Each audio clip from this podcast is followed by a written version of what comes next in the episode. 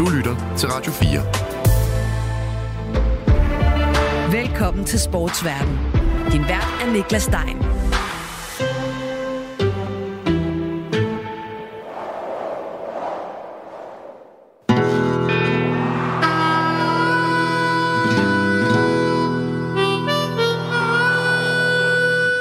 Fodboldfans har det lidt sjovere i januar og i august. Det er nemlig der, mange af de store transfers falder på plads. Og transferjournalisterne, de shiner, når de breaker, at den og den spiller har taget det og det fly, og fansene tjekker sine notifikationer på mobilen i vildskab. Hi, good evening. Welcome along to the transfer show. Deadline day very nearly upon us, and we're gearing up for a traditionally frantic final 30 hours. We're also live to Anfield, the Etihad. Men det transfervindue, der smækkede i sent om aftenen den 1. februar, var et noget mindre ophidsende af slagsen. Og det er der flere grunde til, for klubberne befinder sig i en ny virkelighed, og det så vi udfoldet i januar.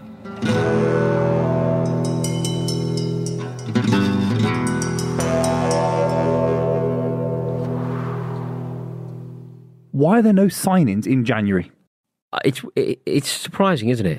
Det skal ham her forklare sig om i dag. Kasper Kronberg, jeg er chefredaktør på Off the Pitch. Off the Pitch er et dansk ejet, men internationalt medie, der dækker forretningsdelen af fodbold. Så Kasper Kronberg er den helt rette at spørge om det, vi lige har set, var et usædvanligt stille transfervindue. Altså det korte svar er ja, meget stille. Og hvorfor? Jamen, der, det er der en lang række grunde til. Øh, så tit så er det sådan, vi, vi medier søger jo efter den der, hvad skal man sige, sådan et, et, et, en hurtig overskrift på det, og det kan man sige, det er der også. Men der er sådan set, øh, jeg synes det interessante her er sådan set alle de ting, der trækker i retning af, at det har været stille, og det, det der, der er mange ting, øh, som har været fremme, og der er måske også noget, der ikke har været så meget fokus på, i hvert fald i dansk presse. Premier League-klubberne har ligesom fundet ud af, at øh, de kan godt blive straffet.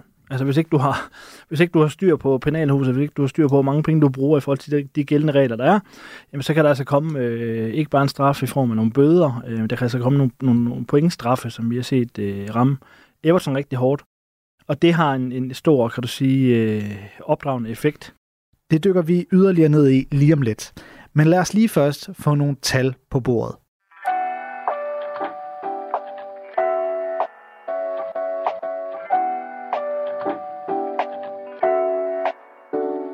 For det nu lukkede transfervindues dyreste handel, det blev det brasilianske stortalent Vitor Roque til FC Barcelona for 40 millioner euro. Og den handel blev vel at mærke underskrevet for lang tid siden. Så kigger vi på de handler, der blev startet og forhandlet på plads i selve transfervinduet, ja, så blev den største af slagsen den franske højreback Sasha Bowie fra Galatasaray til Bayern München for 30 millioner euro. Jean Paris, Montreuil, la Française, c'est là où je suis né, c'est là où je viens. Og så er der ellers et godt stykke vej og nogle euro op til de 121 millioner af slagsen, som Chelsea betalte for den argentinske VM-held Enzo Fernandes for et år siden, hvilket blev det seneste vintertransfervindues største handel.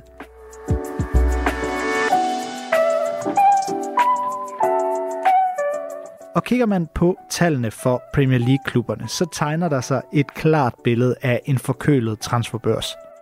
Og det er netop Premier League, der driver den transferbørs, men det skal jeg nok lige forklare dig om i detaljer senere. So, the breaking news is Spurs news. Drag us in to Tottenham, Michael Bridge. Drag is in confirmation, Mike, that Tottenham have signed their primary target. I januarvinduet brugte Premier League-klubberne ifølge transferdatabasen Transfermarkt 120 millioner euro på at købe spillere, altså alle klubberne til sammen.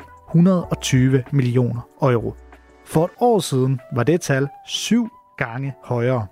Der er ikke blevet brugt færre penge af Premier League-klubberne i en januar måned i 12 år, hvis man altså ser bort fra det første coronaår, hvor pengene sad mere stramt af andre årsager. Og lad os så kigge på årsagerne. Yeah, I, I think clubs are, are scared of FFP. For der er flere engelske klubber, der enten har fået et gevaldigt rap over nallerne, eller står med udsigt til at få netop det. Og grunden, det er deres forbrug. One of the big issues that is prevalent for every single club, it seems, at the moment, particularly in a January transfer window, is those three letters FFP. Fodbolden har nemlig et sæt finansielle regler. Du kender dem måske som Financial Fair Play, eller bare FFP. De blev indført af UEFA i nullerne og blev set som et svar på den russiske oligark Roman Abramovics opkøb af Chelsea. Med købet og de mange millioner, han efterfølgende brugte på spillere, så ændrede Abramovic fodbold, som vi kender det. Og hurtigt begyndte andre rigmænd at få samme idé. Ind kom UEFA så med FFP-reglerne, der nu dikterede, at der skulle være en sammenhæng mellem indtægter og udgifter. Sat på spidsen, så skal du som fodboldklub, hvis du vil bruge 100 millioner på at købe spillere, også kunne tjene omkring 100 millioner. Det kan være på ting som spillere eller sponsorater. Diverse lande indførte siden deres egne sæt regler, der læser op af FFP-reglerne. Og i den engelske Premier League, der hedder de regler Profit and Sustainability Rules, eller bare PSR. Men i fodboldkredse, der har reglerne længe været set som i visse tilfælde gummiagtige og uden den helt store betydning. Herreste Gud, har de nu også haft en store effekter? Kan man ikke omgå dem lidt hister her? Hvad er det værste, der kan ske? En bøde på et par millioner, der blegner, når man handler spillere for 100 gange mere end det. Ja, sådan var det i hvert fald længe. Men så skete der noget. Manchester City are Premier League champions, but questions remain about how the club does business. For det seneste år har Premier League rejst flere sager mod klubber om brud på PSR-regelsættet. Det blev en kæmpe historie, da Premier League for præcis et år siden sigtede Manchester City for intet mindre end 115 regelbud. Heriblandt for at have oppustet sponsorater med tråde til klubbens ejer i Abu Dhabi, og så til at omgå lønudbetalinger til eksempelvis mestertræneren Roberto Mancini. City stand accused of over 100 breaches of the Premier League's financial rules. Some of those charges are extremely serious. I mean, there, are you know, the claim is that they've been basically been falsifying their accounts. Den sag er stadig i gang, og et år senere er der ikke faldet en dom endnu. Fodboldverdenen venter på 13. måned i spænding på at se, om Manchester City får det her rap over nallerne, og i så fald, hvor stort et af slagsen. Men indtil da har Everton allerede fået både et rap og en losing, og står til måske en gang buksevand oveni. Everton have been given the heaviest points deduction in Premier League history. For Everton er også blevet sigtet af Premier League for ikke at have styr på bøgerne og for at køre med for stort et underskud. I november faldt dommen. Everton blev dømt skyldig og fratrukket 10 point i Premier League-tabellen. Og så blev det hele pludselig mere virkeligt.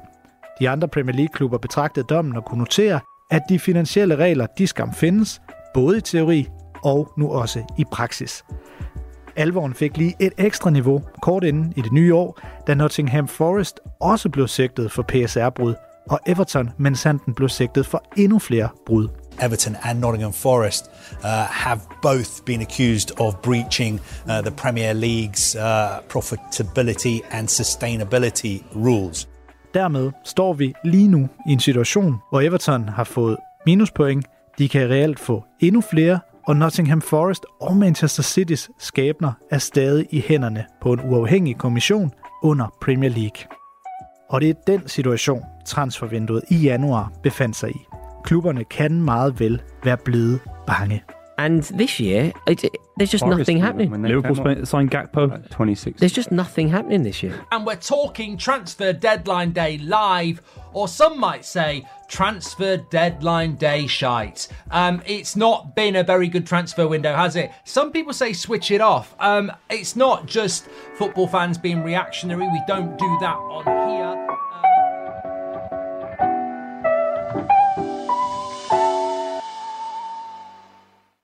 Jeg hører dig sige, at sagerne mod Everton, Nottingham Forest og øh, Manchester City, det kan have afskrækket andre klubber. Ja, det tror jeg i allerhøjeste grad, det har. Så det, det, det der er vigtigt at forstå her, det er jo, at øh, altså i godsøjne, så burde klubberne jo på ingen måde blive overrasket over det her, fordi altså Premier League er jo klubberne, så, så hvad skal man sige, dem der, der ejer klubberne, direktørerne i klubberne, det er jo dem, der sidder og laver, øh, hvad skal man sige, bestemmer, hvad Premier League skal foretage sig, hvad skal de bruge penge på, hvad skal de retsforfølge, og hvad skal de ikke retsforfølge.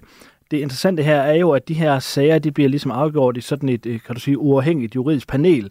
Og der har man jo ikke vidst, jamen, hvordan ville de her uafhængige juridiske eksperter så, så vurdere øh, forskellige former for, for overtrædelser af de her, de her regler. Og der var det altså, at den, den store øh, hammer, så at sige, blev fundet frem i, i, i tilfældet med, med Everton, som har lavet det her brud på øh, 19-20 millioner pund på, på, på, på de gældende regler, hvor du måtte have et underskud på, på de her 105 millioner pund over tre år. Og, øh, og det tror jeg kom som chok for mange. Og nu, øh, nu har man så set, at nu, nu, nu er de fremme igen, og, og har, har, har nye anklager på vej mod Everton og Nottingham Forest, som ja, har, har købt de her 42 spillere, er også sigtet for at bryde de her regler. Og, og det gør ligesom, at de har fundet ud af nu, okay, der sidder nogle uafhængige mennesker, som kigger på vores regelsæt, øh, og ser på, på hvordan nogle, nogle specifikke klubber har gjort det. Og de mener altså, at de her overtrædelser er så alvorlige, at man inden for Premier Leagues regler kan gå ud og idømme klubber store pointmæssige straffe. Kan man slå de tre sager, eller de tre øh, processer mod de tre klubber, Everton, Nottingham Forest og Manchester City, de her tre meget prominente sager, kan man slå dem ind under samme paraply? Mm, ja yeah, nej, du kan slå, slå det ind under samme paraply derhen, at det, det jo for alle tre vedkommende i høj grad handler om, at de har brugt for mange penge.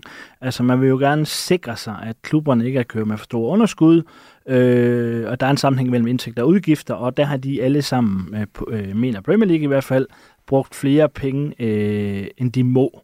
Men du kan sige, der hvor Manchester City skiller sig meget ud i forhold til det her, det er jo også, at man har været inde som klub og øh, det er i hvert fald øh, Premier Leagues øh, anklagepunkt, jamen det er jo, at de har ikke bare brugt for mange penge, de har også snydt med de penge, der kom i kassen, hvor man har foregivet, at man ikke, øh, eller så at sige, at man har fået kæmpe store sponsorater, men de sponsorater har måske i virkeligheden ikke været så store, hævder Premier League, øh, så der har Manchester City været tvunget til at føre nogle af de her penge tilbage, eller det er simpelthen en aftale, man har lavet.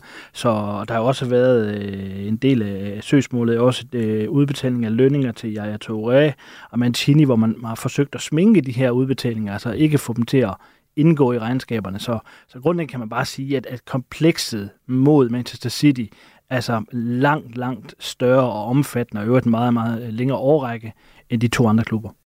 Så for at opsummere, viser de her sager simpelthen, at Premier League, de mener det alvorligt med deres finansielle regler?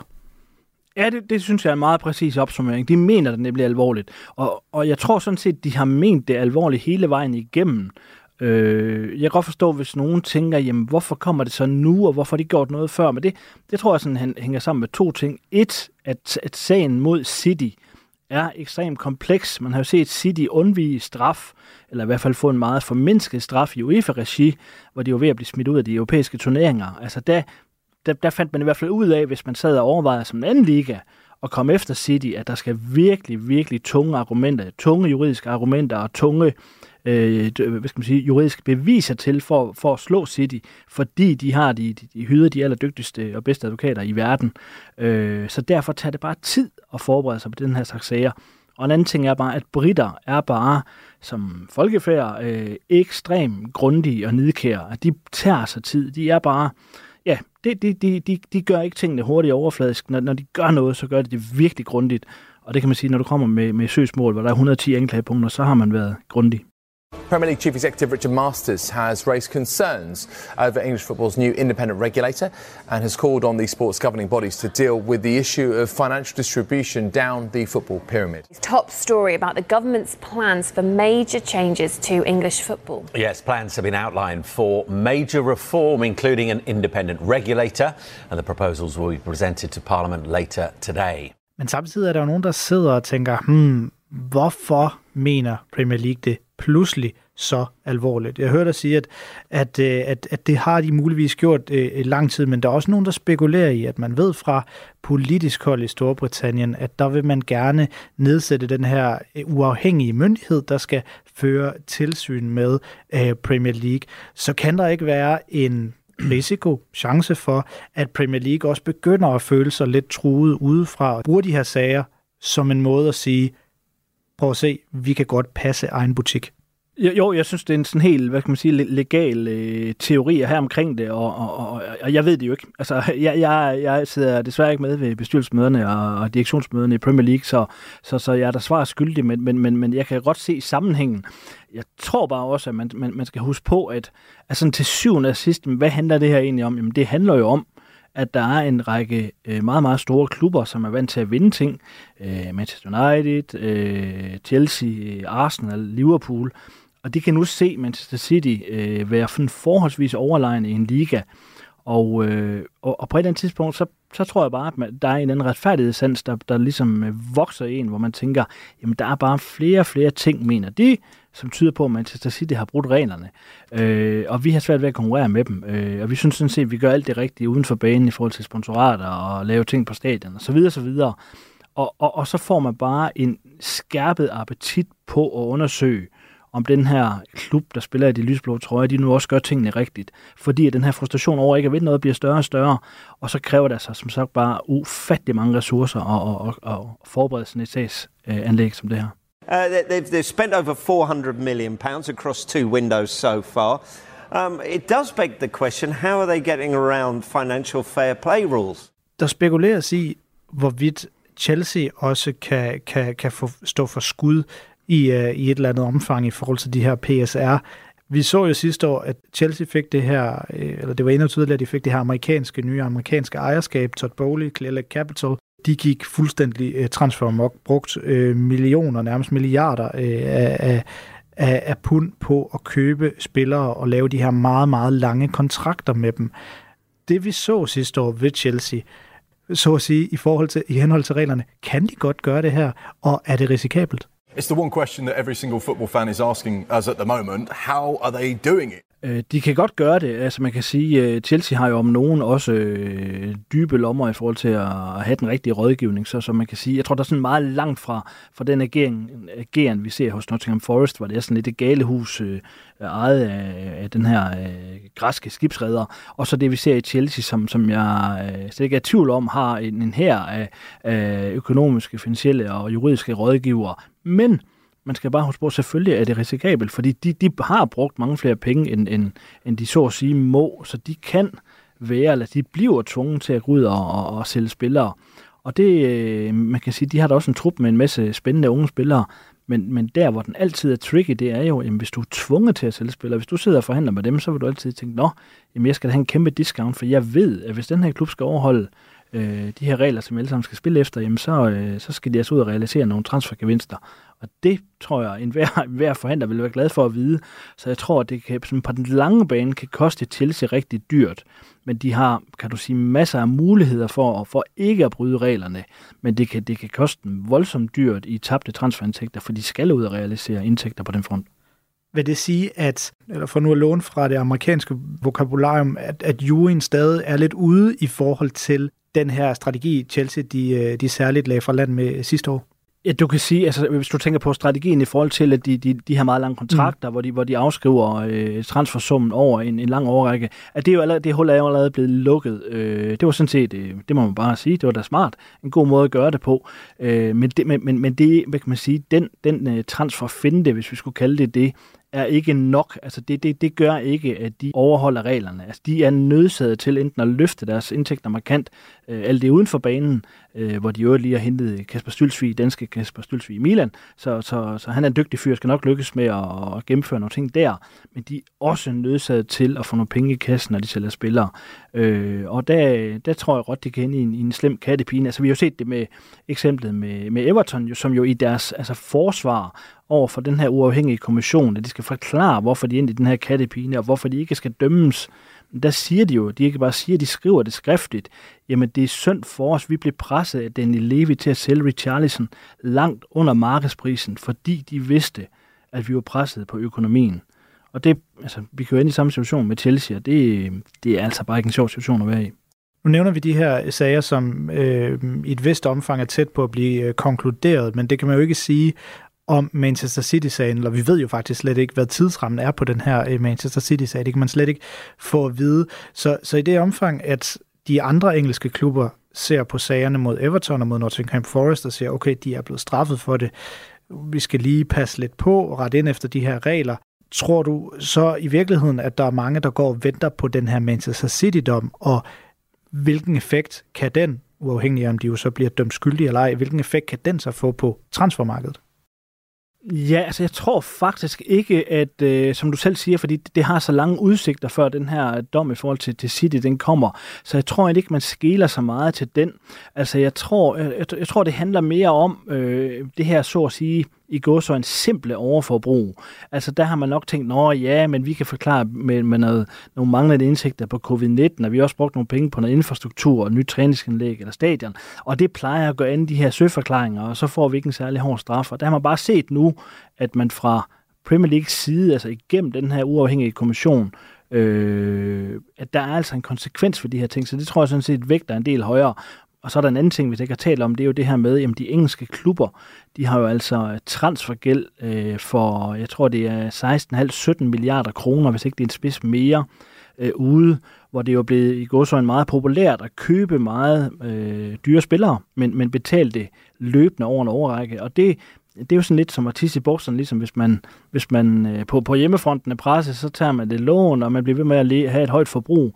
Men på et andet tidspunkt, summen af de her ubetalte regninger, altså summen af din rentebærende gæld, den bliver bare stor. Og det er nok også det, vi ser derude, det er, at der er sådan en række finansdirektører, der lige inde og banke på ved sportsdirektøren og siger, hey, du skal lige vide, at de tidligere øh, transfervinduer, der lægger vi altså hver måned og betaler af på, på, på den her gæld. Det gør altså, at vi kan ikke blive ved med at, at, at, at hente øh, spillere for penge, vi ikke har.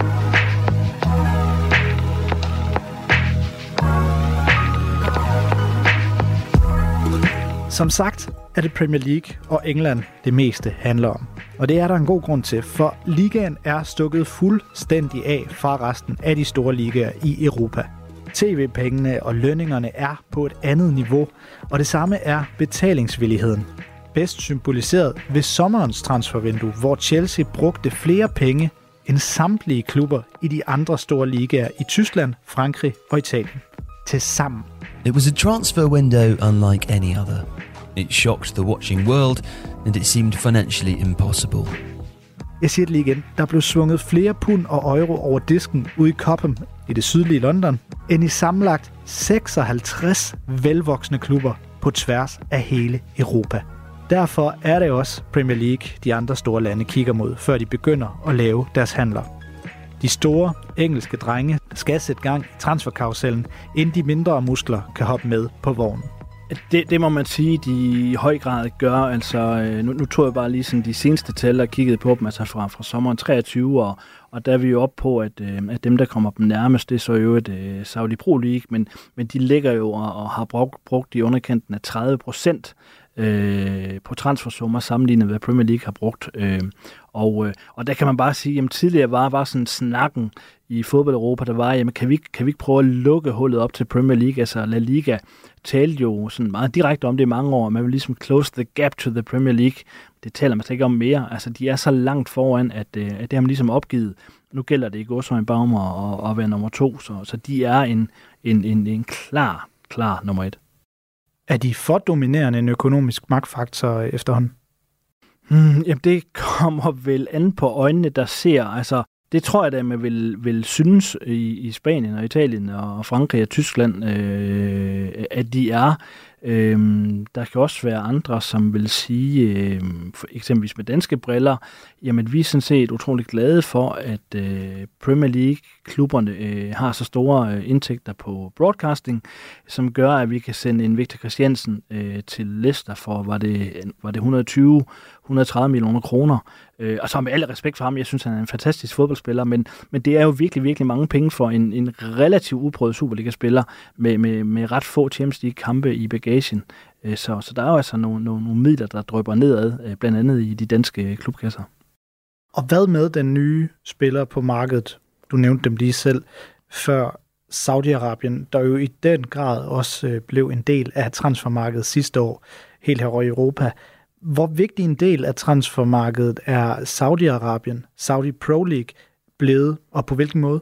Altså helt faktuelt var det jo sidste sommer, altså det var den liga, der, der, der brugt næstflest penge efter Premier League, altså i underkanten af 1 milliard øh, dollar, så det, det var noget af en udskrivning, de, de, de lagde for land med der det, det, altså det, det, som mange som måske glemmer i den der ligning, det er jo, at jo, de hentede nogle, nogle, nogle meget, meget kendte øh, navne og nogle store profiler, men jeg tror, at, øh, at de her få profiler, de udgjorde noget i retning af sådan 80 øh, 80 procent af transfersummerne. Altså bare for at sige, der var måske en 65-70 spillere i niveauet under, som ingen har hørt om. Spillere fra Litauen, Østrig, Slovakiet osv., som også er røget derned. Så de er altså i gang med at prøve at bygge en liga af en vis kvalitet, og så kan man sige, jamen, hvor, hvor, hvor stor kvalitet får du, hvis du henter spillere fra, fra, fra øh, ja, en, en lille kroatisk klub, eller fra en, fra en litauisk klub. Men, men, men der er noget i gang der, og jeg tror, at det vi har set øh, i sommers, jamen det, det er kun starten. Øh, også selvom at der er meget stille nu. Men det er ikke, det er ikke fordi, jeg tror, at de, øh, de har tænkt sig at stoppe her, som i slet slet ikke. Så du forventer ikke, at det, øh, det bliver en engangsfornøjelse? Forventer du, at det fortsætter igen til, til, til sommer? Ja, ja, det tror jeg, det gør. Altså, jeg, jeg, jeg, jeg må erkende, jeg ved ikke, øh, altså i sagens natur ved jeg ikke, hvad de kommer til at gøre til, til sommer, men jeg er ikke et øjeblik i tvivl om, at over de næste 5-10 år kommer de til at fortsætte med at investere massivt i spillere. Men, men, men, øh, men det, det, altså, jeg tror bare, vi glemmer lidt øh, det her med, at det her er jo et, et stort politisk projekt. Altså det handler jo om, der er sådan vel to vigtige ting i det. Det ene er, at landet ved, at deres olieindtægter øh, fremadrettet, eller øh, deres indtægter på salg af olie, det kommer til at falde drastisk, så de skal ligesom have diversificeret deres økonomi og, og sørge for, at de kan tjene penge på anden vis. Og, og en af vejene er at gå, det tror de, det er, at de skal være en turistdestination. Og hvis du er turist i Saudi-Arabien, så skal du have noget at lave. Du skal ligesom have noget at, at, at vise, så at sige, dine, dine gæster. Og noget af det, de gerne vil, det er at have noget attraktiv fodbold og vise de her, de her sportsturister. It could be, I don't know, Manchester United fans probably won't want to hear this, but it could be a quiet window with regard to incoming. Nu har vi lige fået konkluderet, at det har været en, en stille øh, januar, og hvilke grunde der har været til det. Forventer du, vi ser det fortsætte? Forventer du, vi ser samme stillhed, når vi igen kan, eller når fodboldklubberne igen kan handle til, til sommer? Ah, jeg, jeg, jeg tror øh, helt klart, at niveauet vil blive skruet op til sommer. Altså, det er vel også sådan, hvis man, man ser på det historisk, så, så er sommervinduerne vel også øh, ofte der, hvor der bliver brugt flest penge. Det er ligesom der, hvor man laver, kan du sige, de store manøvre i forhold til at få ryddet op i en trup, få solgt ud og få tilføjet nogle nye navne. Det er også ofte der, der er kommet nye trænere ind, måske også udskiftning på sportsdirektørposten, så det er ligesom der, man tager fat. Altså, man kan jo bare tage eksemplet med, med at det er så tilfældigt, kan du sige, det sker lige nu, men, men, men ejerskiftet i Manchester United, altså gør jo også, at det, at, at, at Radcliffe er kommet ind, han er ikke formelt øh, helt på plads endnu, men, men at det sker, det gør jo også, at de holder igen nu, når, når, når de er landet med en organisation og en ny sportsdirektør og en ny strategi til sommer, så kan de ligesom begynde at rekruttere ud fra det. Men, men lige nu midt i en sæson, der er det bare for, for risikabelt. Så altså, jeg tror nu nok, at, øh, at der skal komme øh, fart på igen til sommer.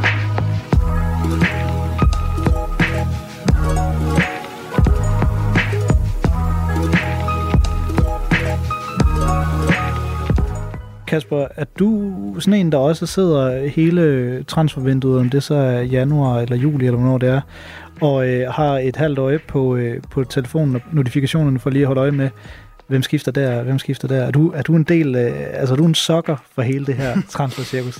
Ja, ja, ja, det er. Jeg har været, jeg har været på bold.dk utrolig meget, og på tidsbladet.dk alle mulige steder, hvor, hvor, hvor, hvor jeg, altså det er jo de klubber, jeg holder med.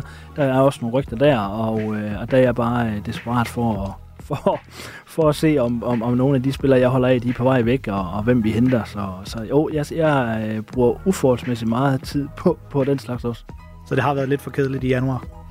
Ja, det, det synes jeg, det har været, men, men der, der sker bare altid noget de der sidste 24-48 timer, hvor man også tænker, hvorfor pokker, altså hvad sker der? Hvorfor får det nu på plads? Det ved alle jo, inden tage på træningslejr, sørg nu for at, at have din trup på plads og sådan noget. Jeg undrer mig virkelig også over det, at, at det altid sker til sidst selvfølgelig er det naturligt, at, at, at, at øh, sådan er det jo, når der er en deadline. Vi er også journalister, vi ved jo også godt, hvad vi laver op til en deadline. Det sidder vi skriver.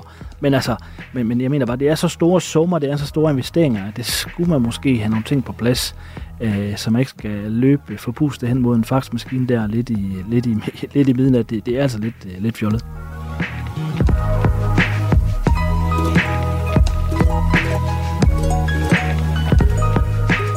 Du har lyttet til Sportsverden på Radio 4. Programmet er lavet og tilrettelagt af mig, Niklas Dein. Hvis du vil kontakte med mig, så kan du finde mig på diverse sociale medier, eller du kan skrive mig en mail på nick 4dk nick 4dk Dagens gæst var Kasper Kronenberg. Redaktør er Rasmus Dalgaard. Der er i afsnittet blevet brugt lydklip fra Bayern München og Tottenhams YouTube-kanaler, fra YouTube-kanalerne Super 6 og That's Football, fra Sky Sports og Tifo Football. Sportsverden sender alle mandag og onsdag kl. 13.30 på Radio 4. Hvis du vil lytte til de kommende afsnit eller tidligere afsnit af programmet, så kan du også finde Sportsverden som podcast på diverse podcasttjenester eller i Radio 4's app. Du kan abonnere på programmet, så er du sikker på ikke at misse et nyt afsnit. Du må meget gerne anmelde programmet og give det nogle stjerner, hvis du kan lide det. Tak fordi du lyttede med.